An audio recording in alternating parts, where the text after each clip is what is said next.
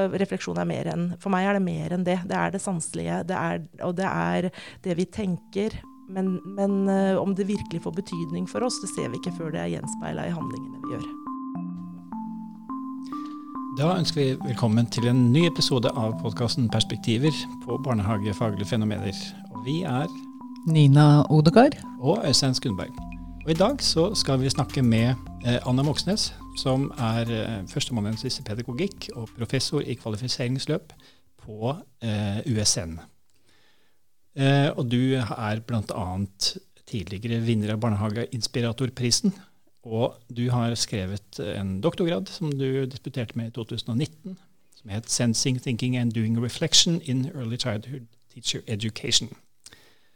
Så eh, det er begrepet refleksjon vi skal snakke mest med deg i dag. Så først og fremst, velkommen. Tusen takk.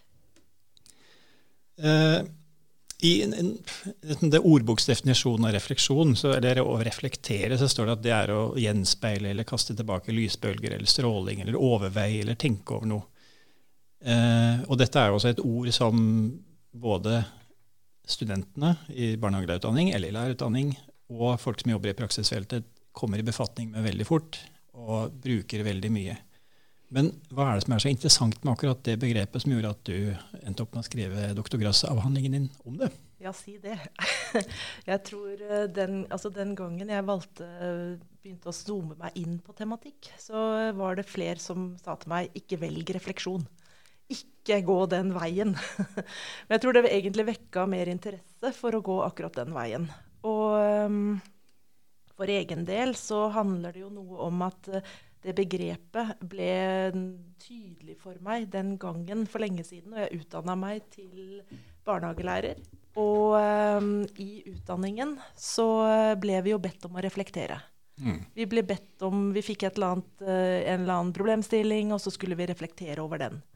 Og jeg satt der og lurte på hva i alleste dager forventer de av meg nå? Hva er dette? Og det opplevde jeg vel kanskje også at medstudenter gjorde. Så vi, ehm, vi, ble ehm, veldig ofte sittende og snakke om helt andre ting enn det vi skulle gjøre. Og jeg tror kanskje at refleksjonsbegrepet var med på å forvirre oss mer enn å hjelpe oss i prosessen.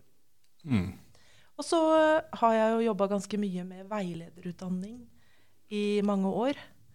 Og eh, en av de, de, elementene som på en måte dukker opp hele tiden knytta til veilederutdanning, er å gi mulighet til refleksjon. At veiledning skal bidra til refleksjon. Så um, når jeg da fikk muligheten til å komme i gang med en ph.d., så, så, ble jeg veldig opptatt av hva er, det, hva er, hva er dette refleksjonsbegrepet? Da? Hva er det inne i utdanninga av barnehagelærere? Hva, hvordan brukes det? Det dukker jo opp absolutt overalt òg, ikke sant. Det, det, står, det brukes som en vurderingskriterium, og det er jo ganske interessant. For hva ser lærere i utdanningen etter når de har bedt studenter om å reflektere? Er det selvstendige tanker? Er det eh, andre ideer? Andre, andre måter å forstå ting på? Eller ser de egentlig etter en speiling av egen kunnskap? Ja, for noen ganger så, så noen oppfatter jo begrepet refleksjon som Eller hvis man blir bedt om å reflektere, at enten at det er synonymt med hva, hva, hva syns du selv, mm. eller at uh, å reflektere over noe. altså Et sånt refleksjonsnotat blir ofte en beskrivelse av hva har du gjort, mm. og hva tenkte du når du gjorde det. Uh, men ordboksdefinisjonen er jo én ting, men, men, du har også undersøkt liksom, eh, hvordan det blir forstått i, i praksis. Ja. Det var en av de tingene som jeg gikk eh, inn i i, i doktorgradsløpet, og som jeg har eh, fortsatt med å undersøke videre etterpå i andre sammenhenger. Og det er eh, Altså, hva er det? ikke sant? Handler det om å tenke og stoppe opp og undre seg, eller handler det om å bare si en hel masse? Hva, hva ligger det egentlig i det begrepet? Og det brukes jo veldig ukritisk, egentlig, ganske mye forskning og faglitteratur. Det er veldig mye, Jeg begynte jo å undersøke hvor finner jeg dette begrepet. Når Jeg ville skrive en review på begrepet eller, og finne ut hva er det i barnehagelærerutdanninga. Og, um, og, eller i pedagogikkfaget først og fremst. da. Og den det, det, det, kom, det, ble veldig mange treff på refleksjonsbegrepet. De, men de aller fleste treffene så sto det bare et eller annet om at det er viktig at studentene får mulighet til å reflektere, eller refleksjon er et viktig begrep. Men uh, også kanskje en henvisning til en kilde, men ingen mer dypere forklaring på hva forfatterne la i dette begrepet.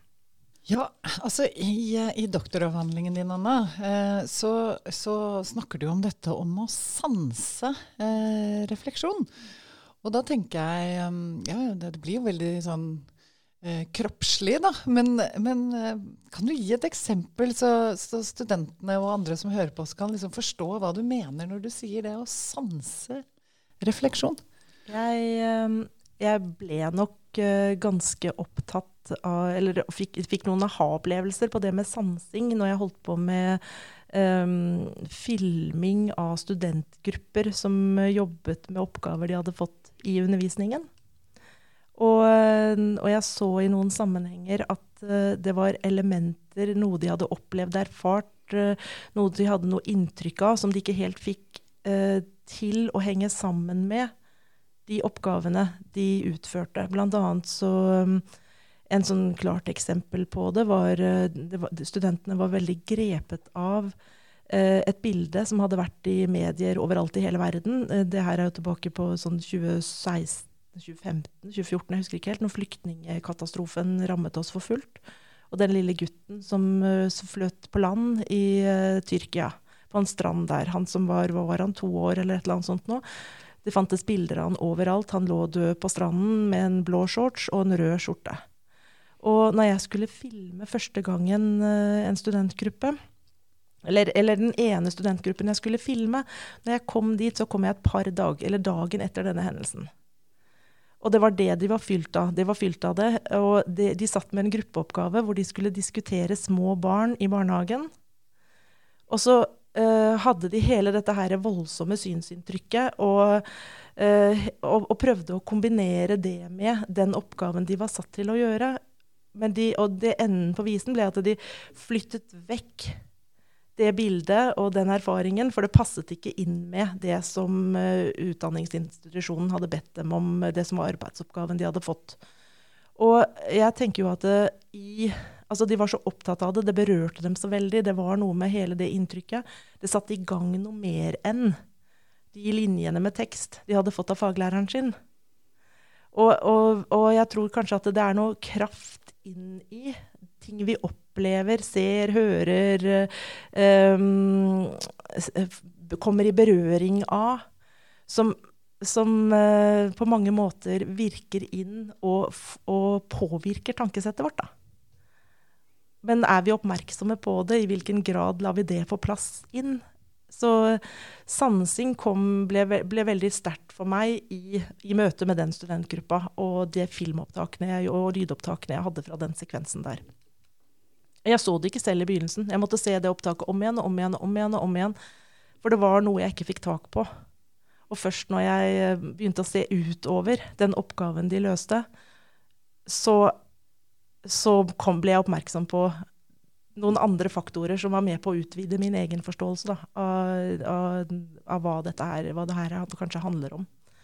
Og tittelen på oppgaven min Jeg har jo utelatt et begrep som vanligvis knyttes veldig sterkt til refleksjon nemlig det sakte, eller ordene, eller altså hva sier vi?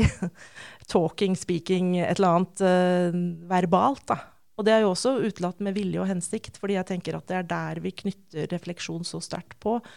Og refleksjon er mer enn For meg er det mer enn det. Det er det sanselige, det er, og det er det vi tenker. Men, men uh, om det virkelig får betydning for oss, det ser vi ikke før det er gjenspeila i handlingene vi gjør. Men uh, hvorfor kan det være viktig å utfordre det begrepet? Er, er, det ikke, er, det ikke, nok i seg selv? Altså Hvis man snakker om kritisk refleksjon, det er også et, et vanlig begrep. Hva, som, hva, hva, skjer med refleksjonen hvis man setter kritisk foran? Er, er ikke refleksjonen allerede kritisk? Er den? Er den allerede kritisk? Er det ikke ofte litt sånn at uh, vi tenker at vi reflekterer fordi vi tenker over noe, er det når vi står i matbutikken og skal velge hva slags melk vi vil kjøpe, eller hva slags middagsmat vi skal ha, er det er det, er det, det samme som å reflektere, eller kan refleksjon være noe mer? Og Det er her jeg tenker at det blir noen sånn nivåforskjeller når vi legger f.eks. kritisk til refleksjon, eller kraftfull, som Kari Sønden nå har gjort, eller trekker inn andre typer begreper som alternativer for, uh, for uh, refleksjon, da, men som, som, på en måte oppfordrer til noe mer enn. Um, og kritisk Kritisk er jo et kjempevanskelig begrep. Det, jeg, jeg, ser det både i møte med studenter, men også med profesjonsutøvere i barnehage og skole. Og at, eh, at dette her er et begrep som også utfordrer oss alle sammen på et vis. Da. For hva er kritisk?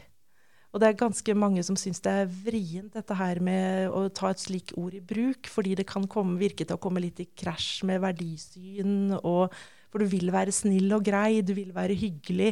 Du vil ikke gjøre noe som er ubehagelig i møte med andre mennesker. Hvis du jobber med veiledning, f.eks., så har du lyst til å bli likt, du har lyst til å være sympatisk. Og når du plutselig da skal begynne å stille kritiske spørsmål og prøve å jobbe med å få til kritisk refleksjon rundt noe, så begynner det å bli hva skal jeg si, farlig på et vis, da, eller i hvert fall litt ubehagelig for mange. Fordi kritisk eh, for noen blir oppfatta som negativt. Ja, at, eh, mange oppfatter det nok, eller det vet jeg jo, det er voldsomt vanskelig å si mange, men en del tror jeg oppfatter at eh, kritisk, da skal, du, da skal, du, virkelig være på hugget, og du skal uh, kanskje være litt ufin med andre mennesker, og, og en del jeg, jeg, opplever stadig at studenter, både, både profesjonsutøvere, også studenter i profesjonsutdanningene, har problemer med det med det kritiske. Fordi de tror at da må de fortelle andre om ting de ikke liker ved dem. Mens eh, det handler vel kanskje egentlig om å få stilt noen spørsmål som kan hjelpe andre til å tenke annerledes om det de står i. Ja, vi, vi har jo, det er jo en hel eh, filosofisk eh, tradisjon som heter kritisk teori, og det betyr jo ikke at man er negativ til alt. Absolutt men jeg, ikke. Men jeg, og jeg tror også at, eller inntrykk av at mange studenter syns det er vanskelig når de blir bedt om å være kritisk eller kritisk reflektere, for da føler de kanskje at de står i en litt sånn en sånn, litt sånn knivsegg når det gjelder at enten blir det for subjektivt eller blir det for negativt. At det, ikke, at det er vanskelig å finne den balansen da, mellom å både ha en sånn personlig, faglig fundert refleksjon og det å, eh, å vise at man, man, tross alt liksom forholder seg til faget. Mm. At man vipper mellom litt sånn synsing og det å bare gjenta. Altså refleksjon som gjentagelse. Liksom, at det er bare dette, dette har jeg gjort.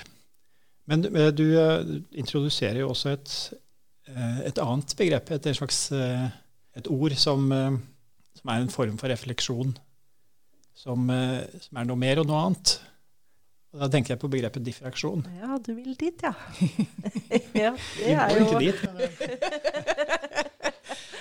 Vi hadde tenkt å komme dit, da. Ja, vi hadde det. Ja, men så fint. For meg er jo diffraksjon, diffraksjon, noe annet enn Jeg er jo ikke den første som trekker det begrepet inn i, i møte med, med, refleksjonsbegrepet. Det gjorde jo Haraway allerede tilbake igjen i 1997. Og, og så fulgte Barad opp det igjen senere i sine arbeider fra tidlig 2000-tall. Så så, og Hillevi Lenstad Gucci, også Ann Merete Otters, Ottersland, Otterstad sorry, har dratt disse begrepene mot det å tenke og det å reflektere uh, i en i, um, Hva skal man si, da, knytta mot barnehage igjen, da. Og barnehagepraksis. Og, men for meg så handler diffraksjon om brudd, og hva som skiller seg ut, hva som er annerledes fra Eh, noe annet enn refleksjonen på et vis, men samtidig noe som kan kanskje virke som til å få kan man si, kraftfull, kraftfull refleksjon, da, eller få til noe annet enn eh, hvor, dit vi kommer med refleksjonen. Og jeg har lurt veldig på hva er det, hva er det, skal, hva, hva er det jeg skal se etter for å lokalisere det. Og kanskje det handler om de rare tingene som noen ganger blir sagt. De underlige, det som ikke passer helt inn. Det som jeg kanskje av høflighet ville oversett. Fordi at jeg tenker det kan sette den andre i et dårlig lys. Men er jeg nå så sikker på det? Kan det hende at det ligger noen ressurser inni den forsnakkelsen eller eh, den måten å forstå det på som ikke matcher med min? Kan det ligge noe mer kraft inni det? Noe som kan faktisk være med på å føre til noen endringer, da? Men kan man eh, tenke at uh, diffraksjon er det Altså det er omtrent det samme som kraftfull refleksjon? Altså, ja, jeg tenker det er hakket videre. Enda, ja. enda mer eh, Altså, det, det, det kraftfull refleksjon er eh, altså, Kari Sønden nå skiller jo på dybdetenkning og kraftfull refleksjon. Men jeg tenker at det, dette her er enda nivået videre for kraftfull refleksjon. Det, det, for meg så er det på en måte å gå enda dypere inn i det samme og, og utfordre det samme enda mer, mens diffraksjonen på mange måter blir noe annet. Det, jo, altså, det kommer jo fra, fra, fysikk, og det handler jo om hvordan lysstråler treffer en plate og, eller en, annet, en, eller annen motstand og brytes opp og skaper nye mønstre, før det eventuelt da samles til den samme type lysstrålene igjen. Men det er det derre bruddet, det som akkurat skjer etter at bruddet har funnet sted.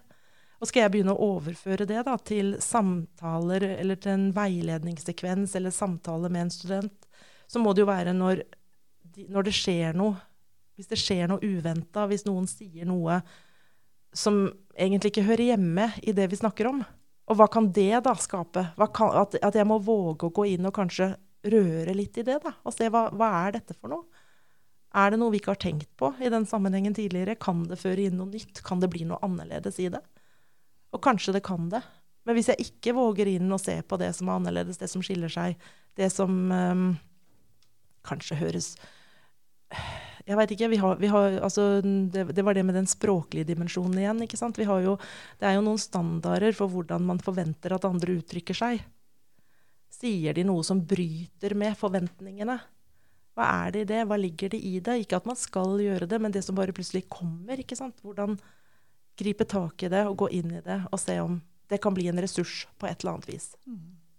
Men kan man, kan man tenke det som altså, jeg tenker jo at uh, både Donna Haraway, som du nevner som en av de som løftet dette begrepet, og Karen, Karen Barad, hvis vi skal si det på norsk, da. Karen. Karen Barad. Eh, begge de to har jo liksom eh, realfagsbakgrunn. Eh, og så har du jo gått videre i mer pedagogisk-filosofiske, eller filosofiske retninger, kanskje man kan helst si det.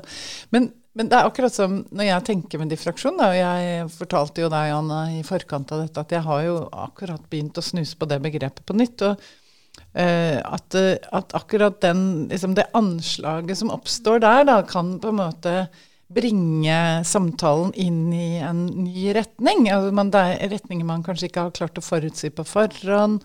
Og det bidrar til å skape en det er et nytt nivå da, mm. i, i, eh, i, tenkningen på et vis, eh, og i samtalen. Eh, så, eh, jeg, for jeg blir veldig fysisk når jeg tenker om diffraksjon. Da, da tenker jeg liksom, Noen bruker det jo som en som bølge som treffer en stein. Mm. Og så er det alt det som går rundt. Men det er akkurat det som treffer steinen, som på en måte er det du har lyst til å ta tak i. Men mm. det er vel også ofte det vi overser. Det er det. Ja. Ja. Eh, og det er jo det som er spennende med diffraksjonen. ikke sant? At det er jo ofte det vi lar passere, eller den lille forskjellen, eller det lille som egentlig kunne ha brakt eh, samtalen over i noe annet. Og det er det vi ikke stopper opp ved. Mm. Og jeg tenker Overført til barnehage da, så vil det jo kanskje handle om de, de litt rare, uventa tingene barna sier. Hva, hva, hva, er det for noe? Hva ligger det i det? Hvorfor sier de det de sier? Jeg ble opp, veldig oppmerksom på det i noen sånne observasjonsperioder i forbindelse med noen andre undersøkelser jeg har gjort. Eh, hvor, eh, hvor, jeg plutselig For da satt jeg i en annen rolle enn jeg har gjort tidligere som barnehagelærer. Da satt jeg der som forsker og hadde all mulig tid til å bare se etter det jeg skulle se etter. Og plutselig ble jeg oppmerksom på noen ettåringer som responderte til meg lenge etter at jeg hadde stilt et spørsmål. Og, og, jeg, og i den konteksten det skjedde, så, så passet det ikke inn. Men så samtidig var det kanskje en forlengelse av en tankerekke. Altså det, jeg, jeg, hadde stilt et spørsmål. De svarte til meg, men det tok lang tid før svaret kom. og, og, og, at eh, når svaret kom, så brøt det min tankerekke, for jeg var et helt annet sted da. Men så samtidig ble det ganske verdifullt, fordi det, sa, det, det lærte meg noe om små barn som jeg i alle år som barnehagelærer ikke egentlig har tenkt igjennom. At kanskje de også har litt behov for tid til å tenke, som vi selv kan ha. At ettåringer også har det. Og at de svarer, men de svarer på kroppslig vis. Så hvis ikke jeg er påkobla når de svarer, så går jeg glipp av noe. Hvis jeg ikke husker spørsmålet mitt lenger. Det kan jo gå mange dager noen ganger før du får svaret. Hva da? Jeg har jo, Det er fra en av de andre artiklene jeg har skrevet, den sammen med Jane Osgood, hvor vi skriver om Hvor jeg tar utgangspunkt i en annen observasjon jeg gjorde i et klasserom med barnehagelærerstudenter. Og jeg satt bakerst i klasserommet, og da får man litt annen, syns, annen vinkel på undervisningen enn hva man får når man står foran og underviser. Og da satt det en student eh, noen rader foran meg som hadde headset på. Og headsetet var eh, festa til PC-en, og fra der jeg satt, så så det ut som at uh, det var en film eller musikkvideo eller et eller annet sånt som ble spilt på den PC-en til studenten. For det var veldig sånn bevegelse i lyset ikke sant, fra skjermen. Så læreren står foran og underviser og skyter ut powerpoint, eller sånn kulepunkt på kulepunkt på powerpointen og snakker om sine ting. Og den studenten sitter dypt konsentrert om uh, PC-skjermen sin. Og så er det en student som reiser seg og går ut av klasserommet. Eller, og på vei ut av klasserommet drar den studenten ut ledningen som fester headsetet til PC-en. Med det resultatet at lydkilden fra PC-en da går ut i hele klasserommet som en sånn intenst buldrende lyd. ikke sant, Dunkende, buldrende et eller annet. Eh, og det går noen sekunder før studenten blir oppmerksom på at det har skjedd noe. Det er en endring. Jeg har ikke lyden inn, så den setter, eh, den setter um, lyd Altså setter headsetet på plass igjen, ikke sant? eller får den hva heter det for noe, kontakten på plass på PC-en, eller hva det heter. Og, og, og, jeg tenker på den sekvensen det, det, ble, det, det, ble, en ganske kraftig diffraksjon inn i undervisningsøyeblikket for læreren som står foran, og som har meg som observatør bak i klasserommet, og sånn ca. 30-40 studenter i klasserommet, og får da det der lydbruddet i sin undervisning. Og hva gjør læreren? Jo, læreren begynte å bevege seg ned mot studenten. Men disse studentene hadde hatt eh, fysfos eller skulle ha det senere på dagen, ikke vet jeg. Og det var i hvert fall mengder av bager og treningsutstyr og jak svære vinterjakker og inn i klasserommet. Og det var litt lite klasserom, så det var ting overalt. Så på veien ned så må læreren krabbe over alle de her tingene for å komme fram til studenten. Og de tingene tenker jeg kanskje også på et vis da diffrakterer hendelsesforløpet. Det er ikke bare lyden, men det er også, det er også de tingene. For det, gir jo læreren også litt tid til å tenke seg om hva skal jeg si, hvordan skal jeg respondere på den situasjonen. Og så når læreren kommer fram, så gjorde jo den også noe som jeg på en måte syns var uh, litt sånn For jeg var spent på hva kommer nå? Hva kommer vedkommende til å si? Og så sier uh, læreren um, er alt i orden? Går det bra med deg? Før eh, vedkommende snur og går tilbake igjen opp til tavla og fortsetter sin undervisning. Så hele situasjonen var eh, Jeg tenker at det var ganske mange brudd her på hva man egentlig forventer i en klasseromsundervisningssituasjon i pedagogikkfaget i barnehagelærerutdanninga. Så, så, når jeg skal på en måte utdype hva er diffraksjoner, så tenker jeg her var det, her var det tett av dem. Her var det mm. ganske hyppig. Mm. Her var det mange ting som, kunne, som, på en måte åpner opp for en rekke muligheter hvor ting kan gå i helt andre retninger enn uh, hva som er tenkt og hva som er planlagt. Litt forskjellighet, på en måte? Altså ja. ulike grader av forskjellighet som liksom forstyrrer selve situasjonen og bringer det i andre retninger, kanskje? Sånn som uh, en bølge som slår mm. mot en stein, ikke Nemlig. sant? Mm. Hvis vi skal bevege denne samtalen om eh, refleksjon, kritisk refleksjon og diffraksjon litt videre, så har jo vi en del studenter som spør om dette med pedagogisk veiledning, Anna. Og det er jo noe du eh, kan ganske mye om. Eh, hvordan kan vi tenke med eh, Kanskje retenke dette med pedagogisk veiledning? Har du noen tanker om det? Ja. Jeg har jo har noen tanker om det, men om jeg har noen løsning på det, det tror jeg ikke. Men jeg tenker jo at uh, her òg må vi kanskje tenke mer med Haraway. Og hun har jo et veldig velbrukt uh, Altså tittelen på uh, boka hennes fra 2016 er jo blitt et veldig velbrukt og velreferert sitat. da. 'Staying with the trouble'. Og det er jo egentlig det. altså Vil vi, vil vi um, våge oss på å gå inn og kombinere, altså se etter diffraksjon, bruke det som et virkemiddel inn i veiledningssammenhenger? Forstå veiledning som noe mer enn kanskje de arbeidsmåtene man fort blir presentert for da, når man skal ha en type innføring i hva er veiledning. Så, så må man jo tørre å bryte opp i det. Bryte opp i det trygge og det kjente for å se hva kan det bli. Men så er det jo hele tiden den der balansegangen. ikke sant? Når tipper det over og blir noe annet enn veiledning? Men vi må jo våge de tippene iblant. Skal det komme noe endring i det? Skal det komme noe ut, utvikling i det? Vi må våge å stå ved det som er vanskelig, stå ved det som er tøft. Og våge oss inn på å være i trøbbelet, da. For ellers så skjer det jo i hvert fall ikke noen endring. Da fortsetter det bare sånn som det er. Og det er bra på mange måter, det som er. Men hvis vi vil ha at ting skal endre seg og utvikle seg på et eller annet vis, så må vi våge å stå i trøbbelet. Og det gjelder jo egentlig det gjelder jo i alle sammenhenger, ikke bare veiledning. Det gjelder jo i en organisasjon. Eh, så må vi jo våge å stå i det som er trøblete. Pedagogisk veiledning for meg, det er liksom Noen ganger så kan jeg oppleve det som litt konservativt. Um, at det på en måte er litt sånn Og kanskje noen også kjenner at de har litt behov for en slags oppskrift. Mm. Og det er jo kanskje det vi liksom Jeg føler at du sier noe om nå, da. At det med å retenke pedagogisk veiledning handler om kanskje gå litt utenfor denne eh, rammen av hva en pedagogisk veiledning kan handle om og prøve å bringe inn litt nye elementer for å um, gjøre den uh, ja, gjør, oppleve noe nytt og noe forskjellig i det å jobbe med pedagogisk veiledning. Er jeg inne på riktig spor da? Jeg tenker at vi snakker om det samme. Ja, vi snakker om det samme. Ja. Fordi, og, og, det der med at veiledning tradisjonelt har vært veldig konservativ, det kjenner jeg jo godt igjen. Det, min egen veilederopplæring var jo følge arbeidsmåtene som Lauvås og Handal hadde skrevet fram, og følge det ganske slavisk for å forstå eh, fasene i en veiledning og gangen i en veiledning. Og de mange første årene jeg selv underviste i veiledning, så var jeg jo veldig, veldig, veldig tro til dette selv òg.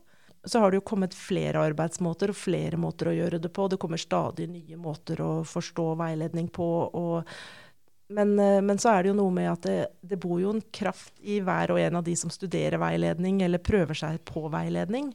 Og, og, hvordan kan de være med å forme og utvikle og få tro på at de selv, eh, klar, altså at de selv kan få det til, og at, de kan, at, det er lov og greit å ikke følge oppskrifter fra punkt A til Å, men at det er lov å legge inn noen utprøving i det, og endre litt på det, gjøre ting på måter som kanskje passer bedre inn, eller som kan være spennende og utfordrende for en selv. Da. Jeg, jeg, jeg har lyst til å, å, avslutte med et, et spørsmål om det med diffraksjon. For da har vi snakka om det. Du har de forskjellige måtene man kan forstå det, forskjellige måter man kan anvende det begrepet. Men hvis, hvis, en student hadde kommet til deg, eller noen som skulle skrive en fagtekst, og, og hadde sagt at jeg vil bruke det som metode, og du hadde som på en måte ett minutt på, eller veldig kort tid på å gi et tips, hva ville du sagt da? Oi. For metode, det er jo egentlig ikke en metode, men det er jo noe som på en måte utfordrer tankene dine. Da. Så da må det jo Da tenker jeg at uh, um, altså det, det, er jo det der, der med å hele tiden å finne noe som utfordrer deg til å tenke videre. Jeg tenker jo at det vil være en ganske sentral ting inn i hvis du vil gjøre diffraksjon til et kjernebegrep inn i en oppgave du skriver, eller noe du prøver ut i en barnehage, eller uh, i en studentgruppe eller et eller annet, så, så tenker jeg jo at da, da, må det jo det, det, er jo hele tiden den derre undersøkelsen og på hvordan, kan vi, hvordan, kan dette endre seg videre? Hva, hvordan kan vi utvikle dette videre? Hvordan kan vi stå i, stå i det hele tiden, da? Jeg, har, jeg veileda en student i fjor som skrev en veldig spennende masteroppgave, hvor studenten eh, var veldig inspirert av diffraksjonsbegrepet den studenten brukte jo bl.a. poesi veldig aktivt inn som en, noe som kunne bryte opp med forståelser i hverdagen i barnehage. Så der fant studenten den innfallsvinkelen selv. For, ut fra hva, hva var den personen opptatt av, interessert i, engasjert i. Og, og det, det, det, ble, det, ble, en veldig veldig spennende prosess å følge på sidelinjen som veileder på min del, og en veldig, veldig spennende oppgave i det, i det, øyeblikk vi har en oppskrift på hvordan jobbe med diffraksjon, så tror jeg ikke vi jobber med diffraksjon lenger. Jeg tenker det kan få være siste ord. Eh, tusen takk. Eh, eh, ja, hva skal vi kalle deg? Førsteamanuensis og professor i kvalifiseringsløp. Jeg klarer ikke å si det engang. Professor i kvalifiseringsløp. Det betyr i eh, grunnen bare at jeg ikke er professor ennå. Ja, den er grei. Ja. Men du heter i hvert fall Anna Moxnes. Tusen takk, Anna, for at du ville være sammen med oss i denne samtalen i dag. og Dette her er podkasten 'Perspektiver på barnehagefaglige fenomener'. Og i studio i dag så har vi Øystein Skundberg. Og Nina Odegaard. Og vi vil gjerne at du følger oss både på Facebook, på Instagram. Eh, at du går inn og hører denne episoden og mange andre episoder eh, på de ulike kanalene som det er mulig. Takk for i dag.